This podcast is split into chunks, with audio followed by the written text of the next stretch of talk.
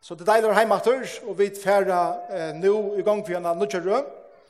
Men åren vi færa at leipa inn i Hasangen, så halte jeg vi skulle bia sammen.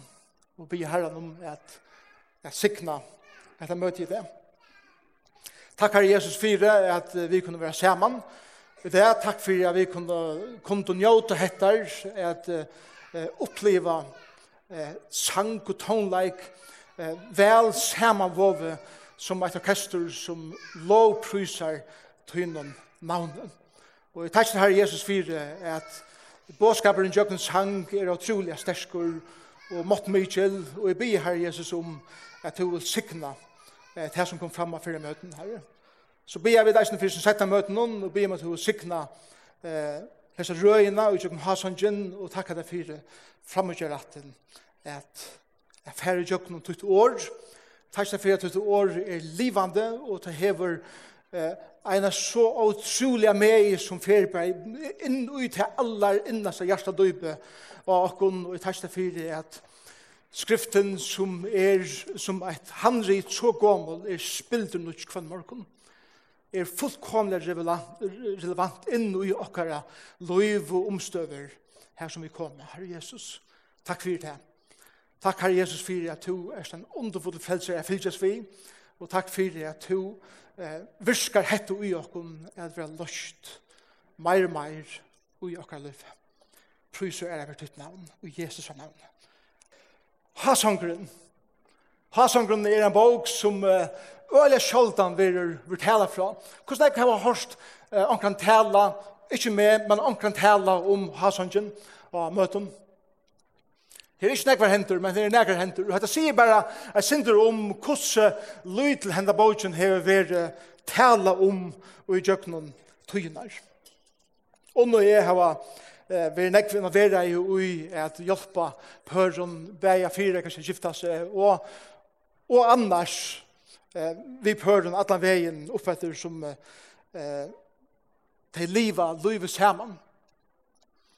Det har vært eh, en fantastisk glede for dere. Henne røyen, hette for å være rød som uh, er sikker for å være uh, en stor avbjørn for meg og ond personlig, at jeg kommer å si nok sånne ting som er nok så uh, intim med dere bæge, bæge og i dere eh Louis Saman kvar det gongur orða gott men eisen i i ørna områden hver vi strujast og uh, vi kommer at eller jeg kommer til å ta om imest som vi har gjørst, bæje som er godt, og eisen ting som vi har dumme og ui, og så videre, da det kommer til per forhold. Så eh, dette fyrir er nok så personlig, henne røyen, så bi for om særlig. Men god til å give, eh, eh, god til å give mer ond, til at andre andre kvinner har talt med, og tog taler hon hettar eisene. Så eh, jeg bare takker dere for det at hit vilja vera nøye som i miskunn, og miskunn som i måter okkun i så røyne. Jeg elsker ta og i eh, vit møta en pære som er nyforelska. Og man sier vi til, nå, hvordan gonger? Jo, er det deilig. Her var det ångan kjeldas enn. Kjeldast. Kjeldast. Nei, det er bare så deilig.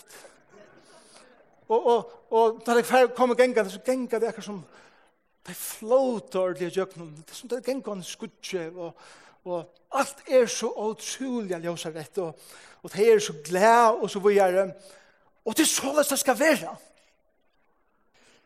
Lykka så pynefullt er det at suttja er per, som negra vikersettene, eller en måneder settene, Du sørst av deg munn at et eller annet er kommet inn. Og hatt gong glede er ikke mer. Hatt av andres, hatt av andres braie og uttrykket som, som er her er blivet til noe som er mer bakst, som er harst, og man ser året man har snakket med deg. Men et eller annet kommer inn. Han gjør det livet hun gjør det livet. Et eller annet de får for lengt, og de er skjert av imenskene som er kommet inn til liv, og så vi er. Hasongren er en bok som god hever giv i okken i skriftene, for jeg lærer okken at, at livet i hesen, at livet sammen. Hasongren betyr bare at han hakste eller den fremste songeren som Salomon skriver videre fra første kongabok, er at Salomon skriver i omleit tusen sanger. Hans songeren var den beste til det som titelen betyr. Hans songeren er et 3000 år gammalt handrit. Kunne sikra at vi standa her i dag, og vi færa at gengu i jøkken vers fyrir vers, et 3000 år gammalt handrit. Det er ikke et tjunarbanskai. Hette er ikke seminar om perforhold. Hette er exegesa, etla djøknungongt paragraf for paragraf, og djøknun eina bok som er utrolig vidkommande i det. God vær ikke eina for unger og i gåen le. Han er unger og i gåen le enn. Han er ikke blevet gammal og grummer og grumpy old man og så videre. Han er utrolig som han tåsar inn i okkara samtøy. Hasangren, de må ha Bibelen vi hessar, hessar fem sundene, og for jeg ikke at, at lese eisene eh, fire, så, så, så jeg sier at det var fire jeg har kommet, det er ikke mindre til og som vi er nødt til å utlegge og, og så videre, og for nok så kjøtt og kjøkken nek vi er sånn. Hasangren er at 604 for til som leser ur eh, Danielsen omsetning, Hasangren er en pastor av poeten som vi kallar det her i bøkene. Først er det de søvelige bøkene, eh, loven og de søvelige bøkene, og så har vi profetene som enda gamle smentet, og midt i midten her har vi poetene, og Hasangren er ein av teimen. Jobb tåsar om landarmali av lying og i lyvenen. Salman er tåsar om landarmali av tilbyan og i lyvenen. Årtøysene tåsa om landamali av praktisk visdom i, i livet. Og prædikeren tåsa om landardomen av sånn her, at hva er endamali, hva er gypri endamali vi min livet? Og så lest tåsa hasongren om landamali ta ui en maver og en kvinna finna saman. Og når jeg hender og hjertan om ta i sånne personer som er fettelig fire, og kunsten er at liva saman som maver og kvinna. Og vi er så imisk her i dag. Hvordan er det på er i morgen som, som uh, ganger sammen og ikke giften? Kom, kom, kom, man fingrar opp her beint. Det er så mye som ikke tårer alle beina ved. Hvordan er det her i morgen jeg har kjent svian av tjuna kylneien? Vet du hva livet. Her er nøyre eisene som har kjent det. Hvordan er gift pør er i her i morgen? Hvordan er det på pør her i morgen som har vilja vidt deg fast? Nei, det, det kan vi ta oss om vi enda av røyene. Ta oss om det ta. Men jeg vil bare bjøre dere ødlen velkommen til røyene. God ta seg inn i livet tja, og en ødlen lykke mye hver vi dere, og lykke mye hvordan hør, et eller fantastisk akkurat bakgrunn der, så er år gods, og eisen henda sankumann, en åpen armer til ødel som er i her i morgen. Det er vera vel stafest. God hever nek a sia om at det er hentan lønderdommen a finna saman som dronker og jenta, og at liva saman som mever og kona. God blekar okkur ikke bare ut i et tjunaband, det blekar tjunaband i hånden av okkur som, som er herfor blekar en håndgranat i hånden av en hermann i sier bare, det var bare halig her der, vi vet ikke hva genka. Han hever en underfull atlan vi hvordan et perforhold skal være. Seksualiteter, det kinslige er nega godt og underfullt. Amen. Det er ikke nega ljøtt som vi ikke tås om heima, eller som vi bare tås om biologi i skolan og så videre. Det er nega som Bibelen tåser åpe og ærlige om som nega utrolige vekkust og godt som god hever givet okkun. Seksualiteter og kærleikje ver lustur ui årum mittlen eh, Salomon og Sulamit, etla hira dronjen og konjen og hesa eh, underfotlo ungo damena som, som kommer inn i hans herra luiv. Karlaisen vil lustur ui i åren særlig. Seksualiteter og karlaisen er nega som gjever glede og gjever grøying i løyven tja heisen pernen. De blomstra, de blomstra allan veien til de bliva gommel saman. Seksualiteter og karlæsen er nega som, som er her oppe, og ikke bare her nyrre. Det er nega som er i høtten og det er nega som er i hjertan det er nega som er i likamen som er samanvåve av en goddomlig anhått, hver god sider i hasa det av perforholdet. Og det er det som vi ikke er få fram hese sundligene. Men ikke bare tåser ha sånn om forholdet mellom drong og jente, og til eisen er helt og medelig av vekere mynter mellom hva for forhold god hever vi okkur som mennesker. Tan kærleikan som god vil øysa iver okken, og til forhold som han lunches er hever vi okken. Jeg kommer nevna til eisen forskjellige sann inn i middelen, hva som skjellige endene til. Og eisen en omedelig vøker mynd av forhold med Kristus og hans her sankomme, hans her bror. Jeg vaks opp og helt at det var det ene seg, at, som Hasanker snakket om, at det bare en mynd av Kristus og brorene. Det er det ikke. Det er sånn det ringte at, at, at ta seg om forholdet med Kristus og brorene til han for å løse henne er brøst, og så videre. Det, Det må være noe mer enn det. Og, og tog er opprunalige tøtningen av sånne her forholdet djupa forhold, intima forhold, mittlen drong og mittlen kjent. Et annet som er så utrolig vekkert vi har sannsyn, det er at dette er den reinaste og vekkerste mynden av hvordan det opprunalige forholdet som Gud skapte i Ørstegæren, året syndafattelig, hvordan det opprunalige forholdet kan livast i realiteten av syndafattelig. Vi er fattlende synd, vi er syndere, vi er dolkaje, men vi endur som er i Kristi Jesus er det møvlet at livet i hæsen er vekra. Goddomlige heilige som Gud gav okna livet etter er en syndafall. Og hette er en omedelig vøkermynd om hvordan det kan gjerast. Livet goddomlige og i realiteten er en fallende heimen fralse og åpenleitje er i disse bøkene. Eh, Karleitjen og langslen til heva etter hver nøren er et, et, en vittnesbord på etter at jeg prøves ikke å leve i fordøming. Det er tog nu ønsken fordøming for deg som i Kristi Jesus er. Det er Amen veldig godt. Ja. Jeg må dirigere det til hans undersøys. Amen. Lykke, får man rekka fra vattnet til kålen kommer. Amen. Mm. Det er godt. Så, en spurning bare ut av vennen beina ved. Hvordan skal det være til at Salomon, som hei tjei hundra kroner, hvordan skal han skrive sånn, ikke? Og jeg sier bare, hvor er bedre erfaring enn han? jeg mener så vi, en maver som stjål en av kone, og drep mannen til henne, skriver salmen der. Jeg står part av salmen, David. God kom inn ved sin nøye og ombrøt hans liv. Mæveren som skriver i brøvene til samkommen der, er at opp mot samkommen der, var mæveren som var fyrsten til drep samkommen der. Drep til sikvant, Paulus. Men han skriver så underfulle brøvene som vi har finnet fra hånden.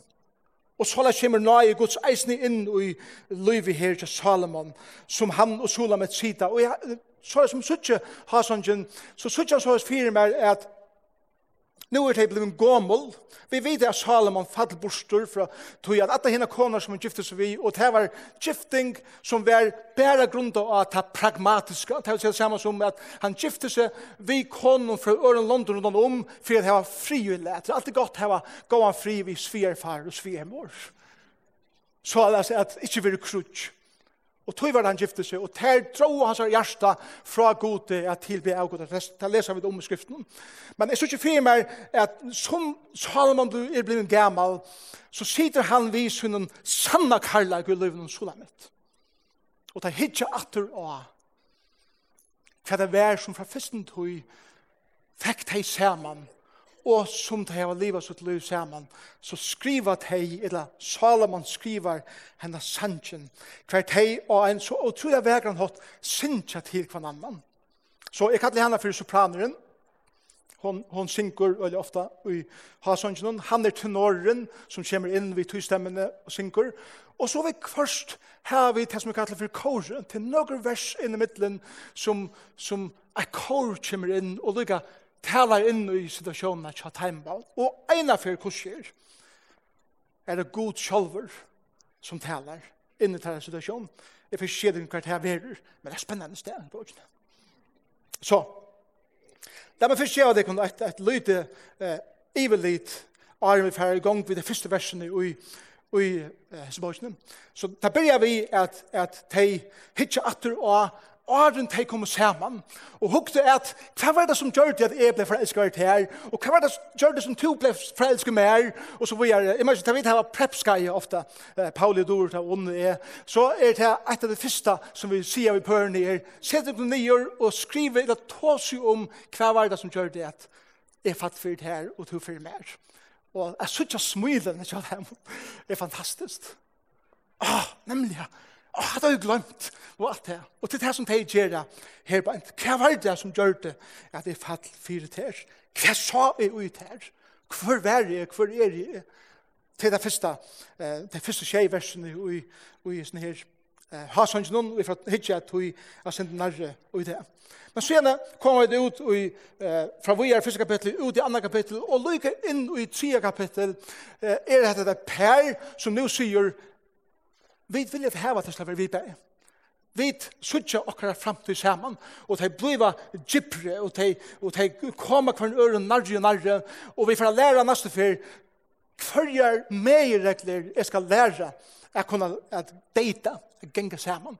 Så nästa söndag, ikke nästa söndag, men andra söndag, nästa sunda vil det ha sånn grunn, Så må de få fullt av eh, som genga saman, som inte skiftar jämner hale den igjen. Som Jesus sier, hvis ikke vil jeg komme, nøye deg å komme inn. og sen eh, tar jeg komme ut i eh, vers 6 i 3 kapitlet, og lykke til 5 kapitlet, vers 1.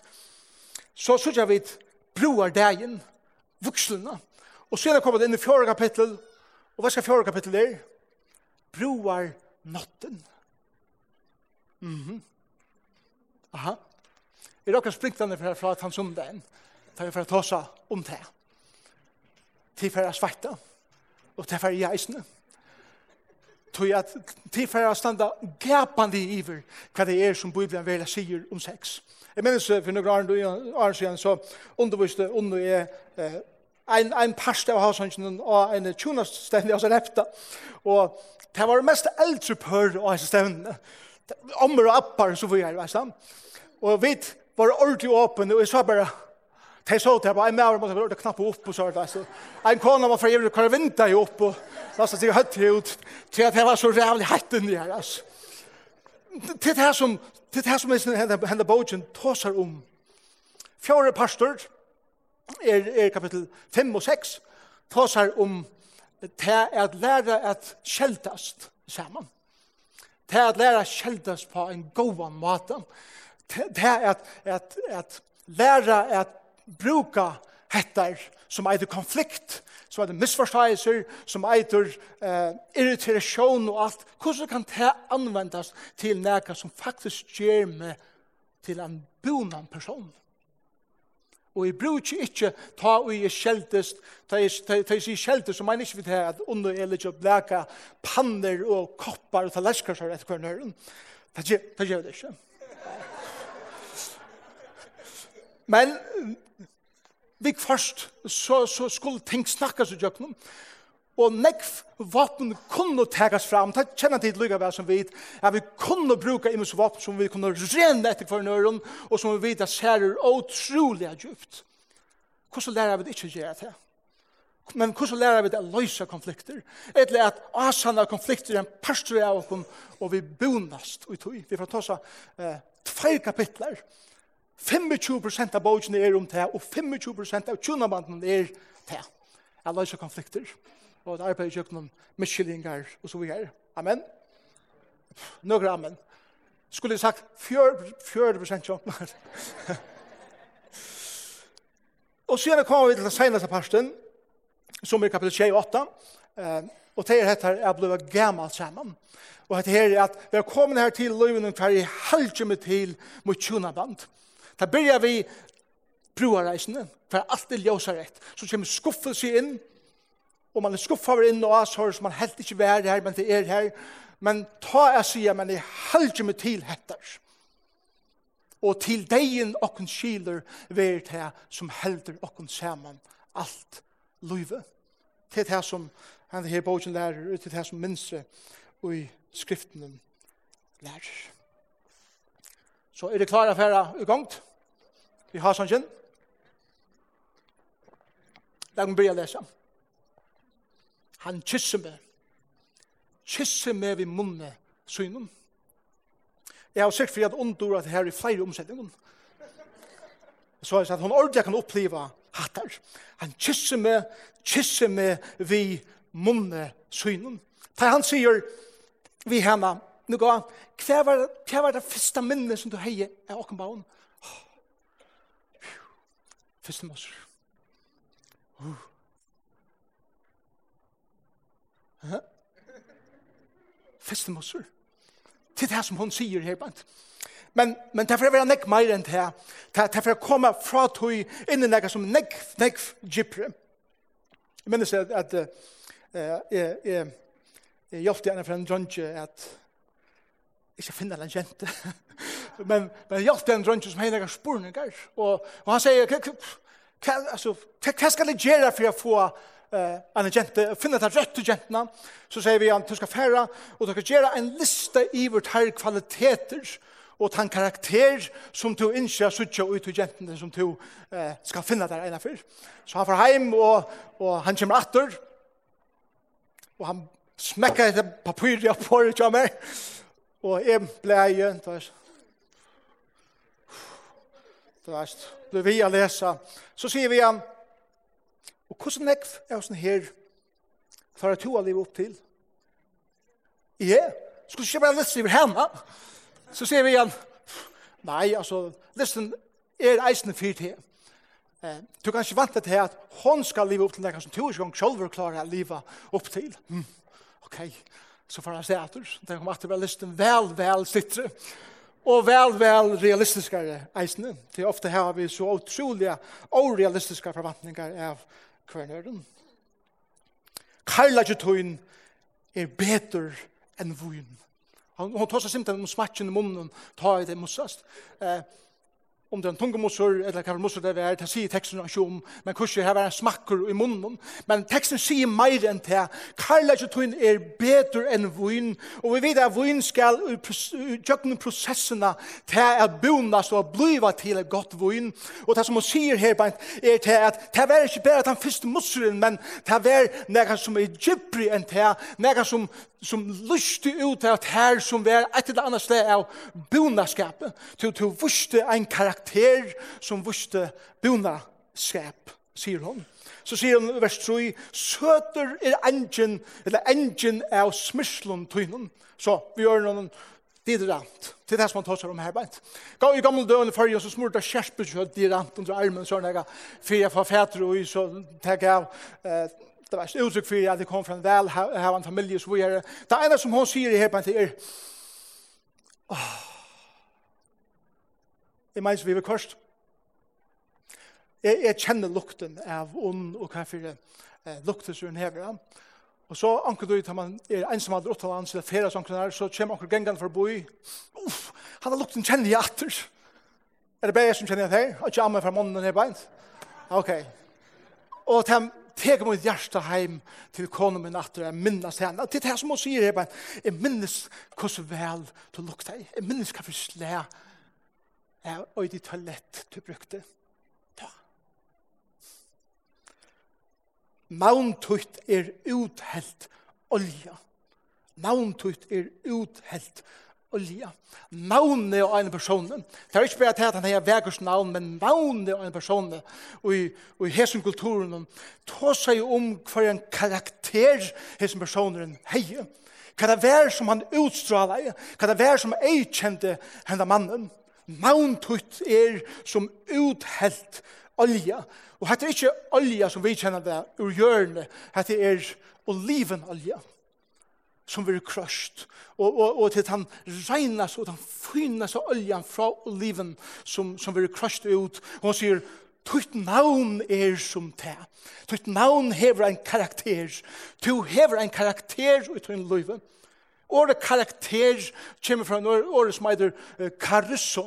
Og, og det betyr bare at, at det er et ambo, et høggejaden som du brukte, at høgja navn, et minster inni trevi, et eller meite som du brukte til gråt, for at mynda gråt. Og det er det som hun sier, at du er myndaver, du hever en karakter som ei kjennes av at du er ærligers, du hever gusko, du hever moral, du skaper respekt, du hever en, en godomlig atmosfære i der, du er eimur, du lusta vel, og du er en heilavur, unger, maver. Så la sa jeg til, kjent dere, hadde ikke ville finne sånn drunk. Amen. Hatt det der som du leit etter. Hatt det som, som, som vi leiter etter, ta og vi leiter etter en tjona Ja. Jeg mener vi at, at, at En maver kan, kan hava at han flottas av kroppen som han vil. Han kan kalla at han finnes av bilen som han vil. Han kan hava snakka pengar av bankakonten som han vil. Men hvis han er verri enn en resningur, da det kommer til å lusta etter det her. Og hvis han fer som har smapat og smekkar horan at du tar ikke fer som vilja i jøgnum, så hever du finnes jo nega at av tøyn tallersk som du skal sleppa deg av vi så kjøtt som møvlet. Slepp deg av vi en drong som du sars er så leis, du som ikke har gift til en det, som er per av shit noen underbok som lega vekk. Simpelt den. Du har ikke bruk for det at henge opp på en mann som bare hukser om seg selv, som bare hukser om at det som jeg skal få på bursur, og det som jeg vil heve, og jeg har perforholdet, og lykke mye kvært annet. Hon hikker etter noe som negg djupere. Hon sier, hatt det som jeg vil heva ui en mann, en, ma en mann som hever et navn, som hever karakter. Og så sier hon, tog elska møtjar te.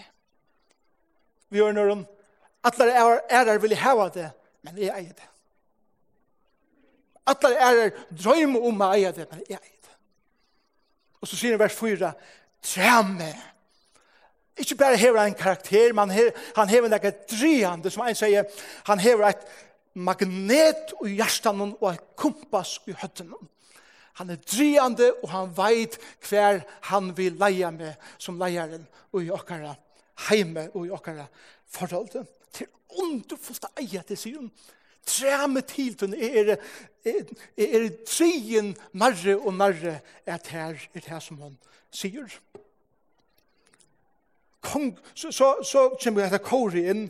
Vit, vi skunde skulle vit fylgja til her. Hette er allar hinar som hadde vilja være vi innom. Og så synes jeg vi er kongren tog vi inn i kømer så inne. Her, her synes jeg vi hva der hadde vilja. Vi vilja frua okken og glede okken ut her. Vi vilja prysa karlagat hunne meir enn vun. Men så sier hon, hon sverer, ja, sånne hjärsta elskar ter til. Men er eian. Så ikke dere hinner vil du. De ville bare dreie den i kamera beina ved. De ville bare uh, ordne de seksuelle paragrafene beina ved, men hun sier, uh, forholdet til åkken, jeg er negtjipjen hatt der. Og jeg eier han.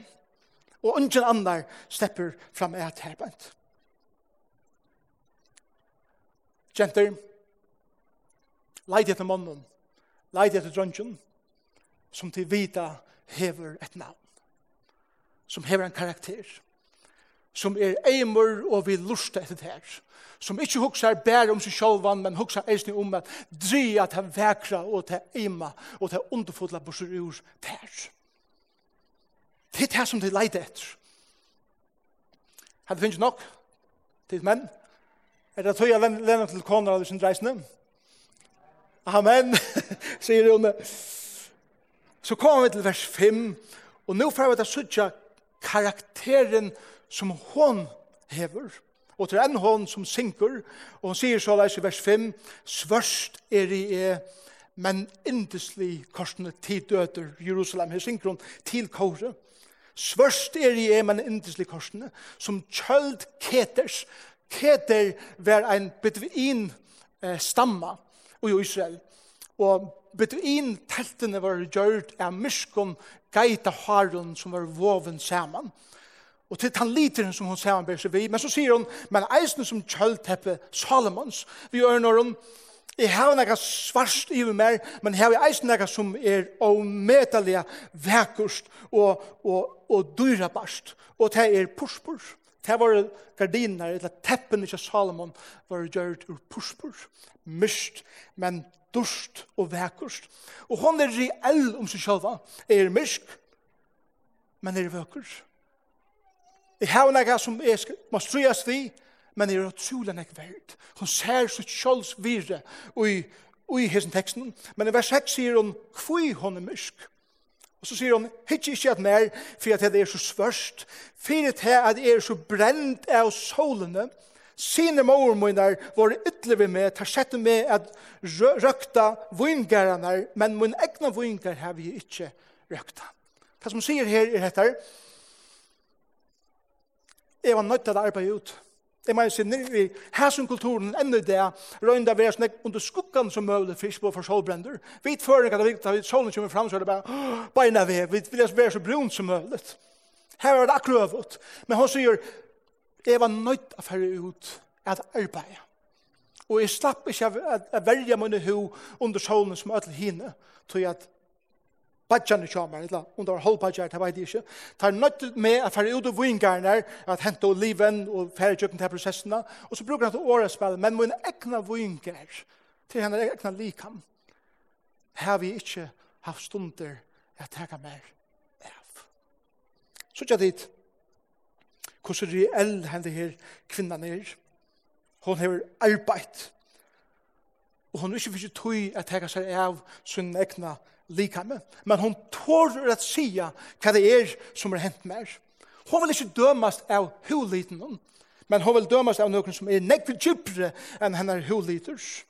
Så er det hennar karakter, så er det hva hon er gjørt av at her unga kvinnan her. Hon er arbeidsom, hon er myndelaika undergiven, hon hever en reella sjålsmynd, og hon tårer av sitt navn av de omstøvene som hon kommer borsur ur. Hon er djevande, og hon er stersk. Til dronjer, til kunne få en så flotta dame som du vilja, så flott har som hun vil, Hon kan være mestare og i idrotte og i tonleitje og alle møvlige. Men kanskje ser ungan annan enn bærer seg sjølvan og er ein hjukande fornærmeslig marra er henger på. Og som bæra huksar om seg sjølvan og ungan annan. Og ta inn ikke fær som vilja, så smekkar hun horen atter, og hun, hun ståndkje det av kjensler fra seg, og er som yser. Hvis tid hevane sånne, slepper dere av vi hemma eisne. De vil ikke henge på så ut. De, vil ikke fære inn i forhold vi en slik person som de videre på at de henge på resten av min liv. Heldur er være single og i vånen om å finne det rødt enn at komme inn i forhold og være bunden til en slik person. Det mener vi at under er vi hava år som vi bruker noen annan, som er utrolig eim år, jeg sier jo øyelig ofte, elskar jeg vi under, så gjør Men, men hva sier det ved en kone som er en ørn?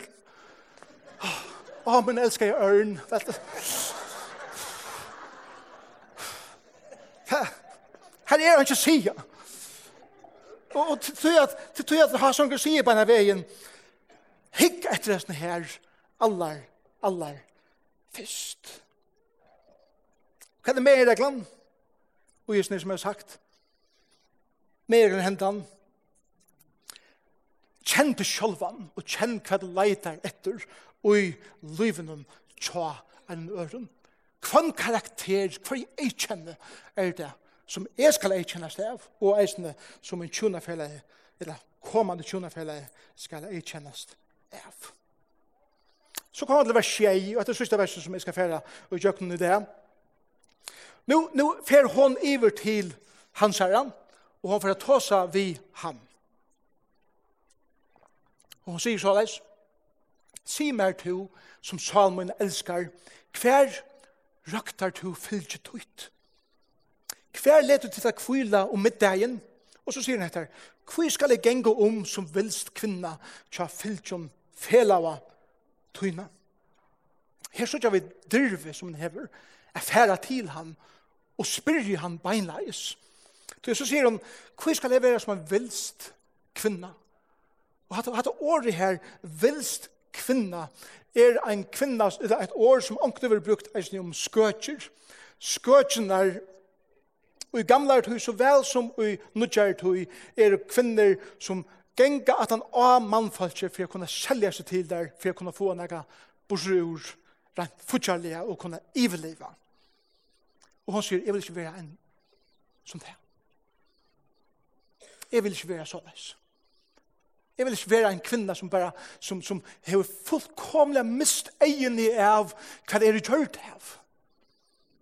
Er mine kjølsvire, mine vire som god har lagt ui meg, er til karakterene som har lagt ui meg fra bandsbein i av, hvor skal jeg blæka til borster, og hun fer beint til hans herre. Solamet sier, jeg vil ikke være en av heimen. Og hette mer reglan, hette mer reglan nummer 2. Den første er, hva en karakter, hva jeg er jeg kjenner leid etter ut til personen som jeg vil gifte meg vi, og hva er jeg her vi er. Jeg gjeva til personen som vil gifta med sammen vi. Ta neste mer reglan er hendan, hva er ikke ferdig å gjøre for jeg får ferdig en mann, eller en kvinne.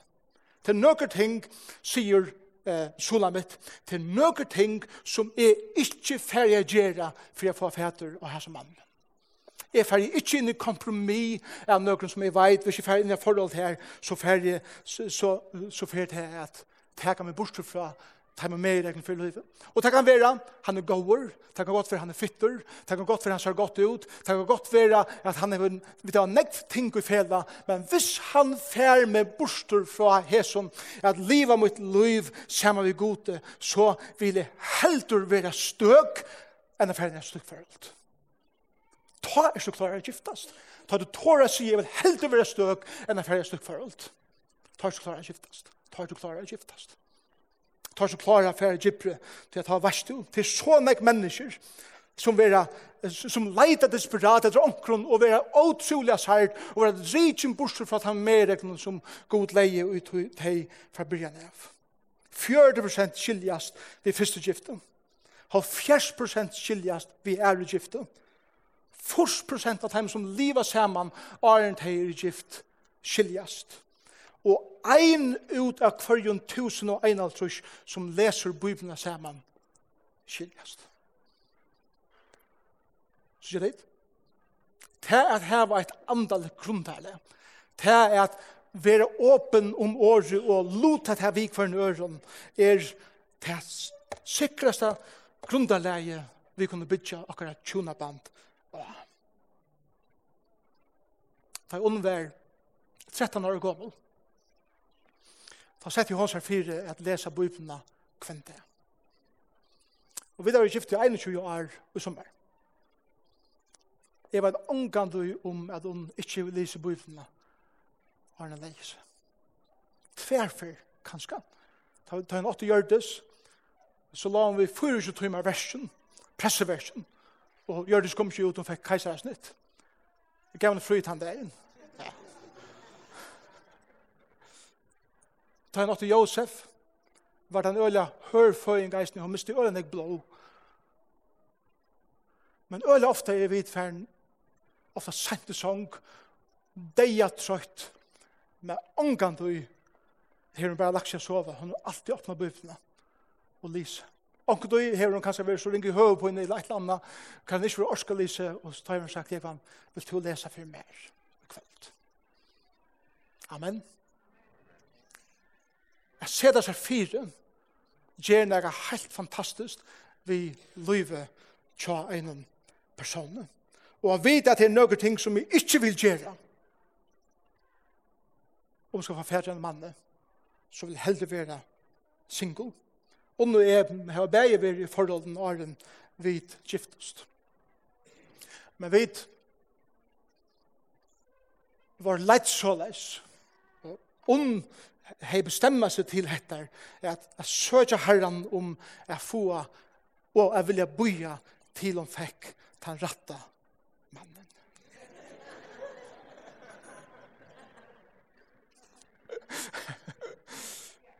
Att jag kan det säga.